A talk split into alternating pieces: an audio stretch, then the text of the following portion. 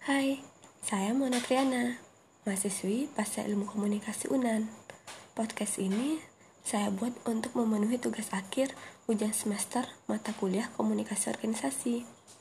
Nah, dalam podcast ini saya ingin membahas mengenai teknologi informasi dalam organisasi.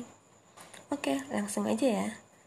Teknologi informasi ini muncul sebagai akibat meluasnya globalisasi dalam kehidupan organisasi teknologi dalam organisasi memegang peran utama dalam mempelajari sifat-sifat dari teknologi suatu organisasi dan hubungan teknologi terhadap struktur organisasi.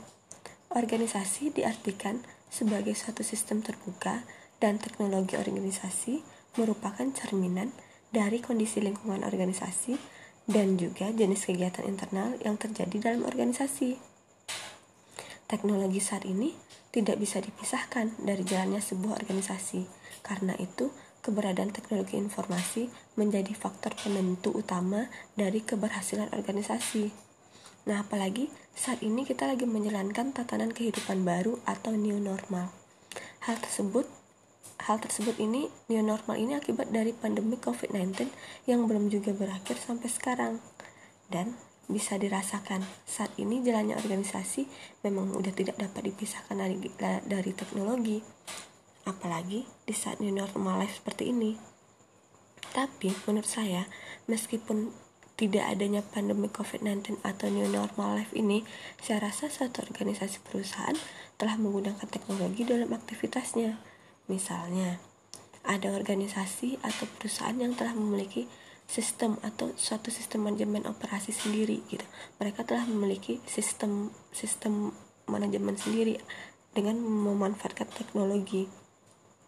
Karena tidak dapat dipungkiri dengan memanfaatkan teknologi, teknologi ini banyak manfaat yang akan didapatkan oleh satu organisasi tersebut. Namun, di saat new normal ini, penggunaan teknologi harus lebih dioptimalkan lagi dalam organisasi bisa dikatakan memang dalam menjalani new normal teknologi informasi itu emang menjadi peran yang utama atau terdepan agar suatu organisasi ini aktivitasnya dapat terus berjalan gitu. Coba aja kita bayangkan. Jika suatu organisasi tidak menggunakan atau memanfaatkan teknologi dengan tepat akan seperti apa organisasi tersebut? Bisa aja organisasi tersebut kolaps atau tutup karena saat new normal ini kan tidak bisa lagi bisa dikatakan kita tidak bisa melakukan sesuatu itu dengan cara yang manual lagi gitu. Kita memang harus harus mengembangkan peran teknologi itu sendiri gitu. Nah teknologi informasi ini dapat digunakan dan dimanfaat, dimanfaatkan dalam banyak kegiatan oleh satu perusahaan. Mulai dari otomatisasi kegiatan administrasi dan layanan utama yang dimiliki Kemudian bisa dikatakan peran teknologi informasi uh, sebagai meningkatkan pemasaran. Lalu membangun komunikasi uh, apalagi di tengah new normal ini kan tidak mungkin komunikasi dilakukan secara tatap muka langsung.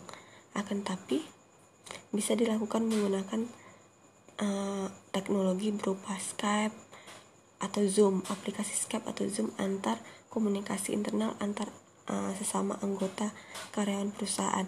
Meskipun sebelumnya saya rasa hampir semua organisasi perusahaan telah memanfaatkan aplikasi media untuk komunikasi misalnya menggunakan email untuk berkirim berkirim surat atau menggunakan WhatsApp untuk uh, ko berkoordinasi antar karyawan gitu.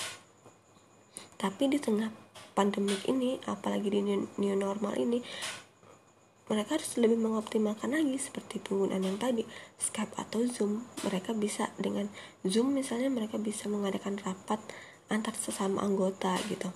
Karena kan belum bisa mengadakan rapat misalnya dalam suatu ruangan lalu oh, rame gitu belum bisa. Karena bagaimanapun di di masa new normal seperti ini karyawan atau perusahaan harus menerapkan protokol COVID-19 bagi karyawannya yang mana masing-masing karyawan harus tetap physical distancing.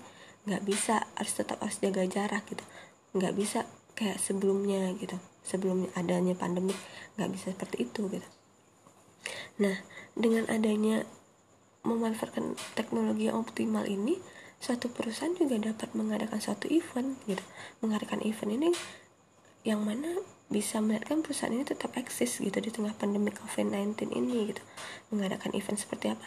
Ya balik perusahaannya bergerak di bidang apa gitu. Bisa mereka mengadakan seminar atau live musik gitu.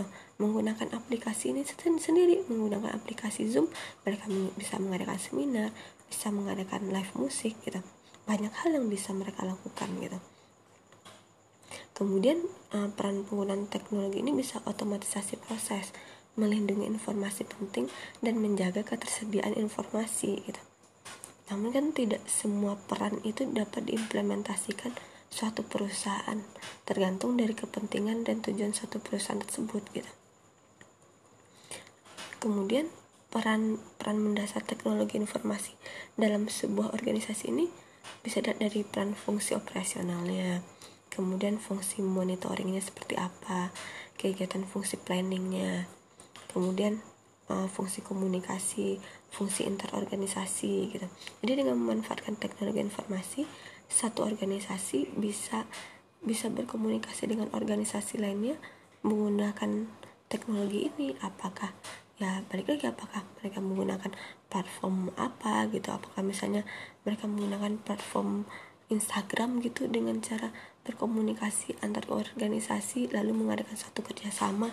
Bisa saja misalnya organisasi A dengan organisasi B mengadakan suatu event dengan menggunakan platformnya Instagram gitu. Bisa. Makanya di di masa new normal ini uh, saya pikir suatu organisasi harus mulai lebih maksimal lebih optimal gitu dan lebih peka atas teknologi gitu. Nggak bisa lagi misalnya oh nggak mau gunain ini nggak mau gunain ini. Nggak bisa gitu di saat-saat seperti inilah harus lebih lebih menggunakan atau misalnya organisasi bisa membuat aplikasi tersendiri bagi mereka secara internalnya gitu. Itu mah lebih bagus lagi gitu. Karena bagi saya untuk uh, teknologi ini harus tetap jalan karena itu penggunaan teknologi ini sangat efektif dan efisien bagi suatu organisasi. Tetapi yang harus jadi perhatiannya Kini anggota organisasi harus paham menggunakan teknologi gitu. Jangan sampai organi anggota organisasi tidak paham, tentunya akan memperlambat kinerja, bukan malah mempercepat apalagi mempermudah. Kan nggak lucu aja misalnya satu organisasi menggunakan teknologi ini gitu atau mereka memiliki suatu sistem ini. Nah, tetapi anggotanya tidak paham bagaimana cara penggunaan suatu sistemnya. Kan bukan malah mempermudah pekerjaan malah mempersulit gitu. Nah satu lagi yang harus jadi perhatiannya itu adalah tim IT dalam satu organisasi. Ibaratnya tim IT-nya tuh harus kuat jangan sampai data satu organisasi ini bocor kepada orang yang tidak berkepentingan gitu. Jadi data-data dalam satu sistem itu memang harus dikoordinir dengan baik gitu.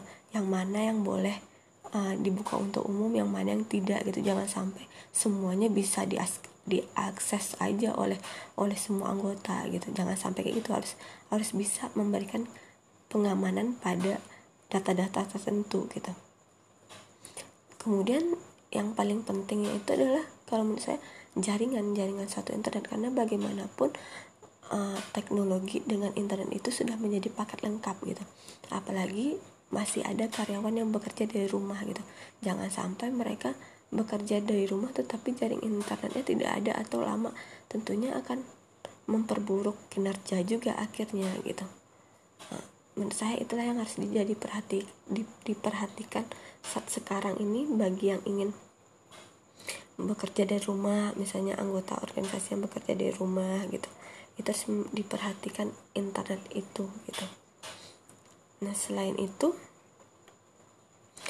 dalam teknologi informasi dan komunikasi dalam organisasi ini uh, Thomson mengelompokkan teknologi organisasi menjadi tiga jenis yang masing-masing menggambarkan jenis hubungan yang terjadi dengan konsumen maupun kegiatan internal yang terjadi dalam organisasi itu sendiri.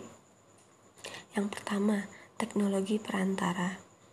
Suatu organisasi menggunakan satu teknologi untuk menghubungkan beberapa klien yang satu yang satu sama yang lain tidak dapat dihubungkan secara langsung. nah sama yang terjadi saat sekarang misalnya di saat di normal nih kan kita nggak bisa ber, bertemu langsung gitu.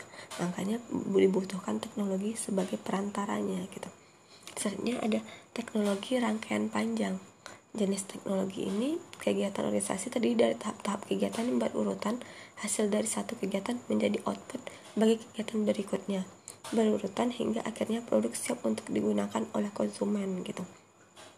Kemudian teknologi in intensif. Kumpulan dari beberapa jenis pelayanan khusus yang keseluruhannya digabung untuk melayani klien. Teknologi intensif ini bisa digunakan pada kegiatan yang mempunyai akibat cukup berarti pada klien sehingga klien mengalami perubahan gitu. Nah, baiklah sekian dulu nih penjelasan dari saya mengenai teknologi informasi dan organisasi ini. Terima kasih bagi yang sudah mendengarkan. Oke, assalamualaikum warahmatullahi wabarakatuh.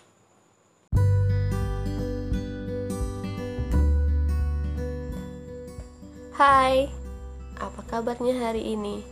Semoga semesta selalu menyenangkan. Hmm,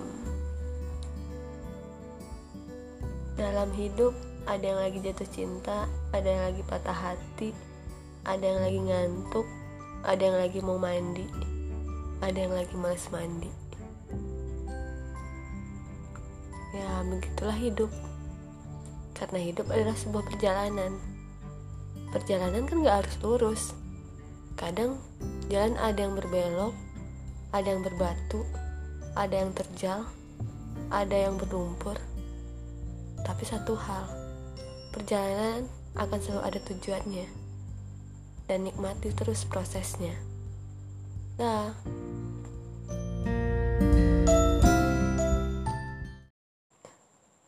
Hai, apa kabarnya hari ini? Semoga semesta selalu menyenangkan. Hmm. Dalam hidup ada yang lagi jatuh cinta, ada yang lagi patah hati, ada yang lagi ngantuk, ada yang lagi mau mandi ada yang lagi males mandi ya begitulah hidup karena hidup adalah sebuah perjalanan perjalanan kan gak harus lurus kadang jalan ada yang berbelok ada yang berbatu ada yang terjal ada yang berlumpur. Tapi satu hal perjalanan akan selalu ada tujuannya dan nikmati terus prosesnya. Nah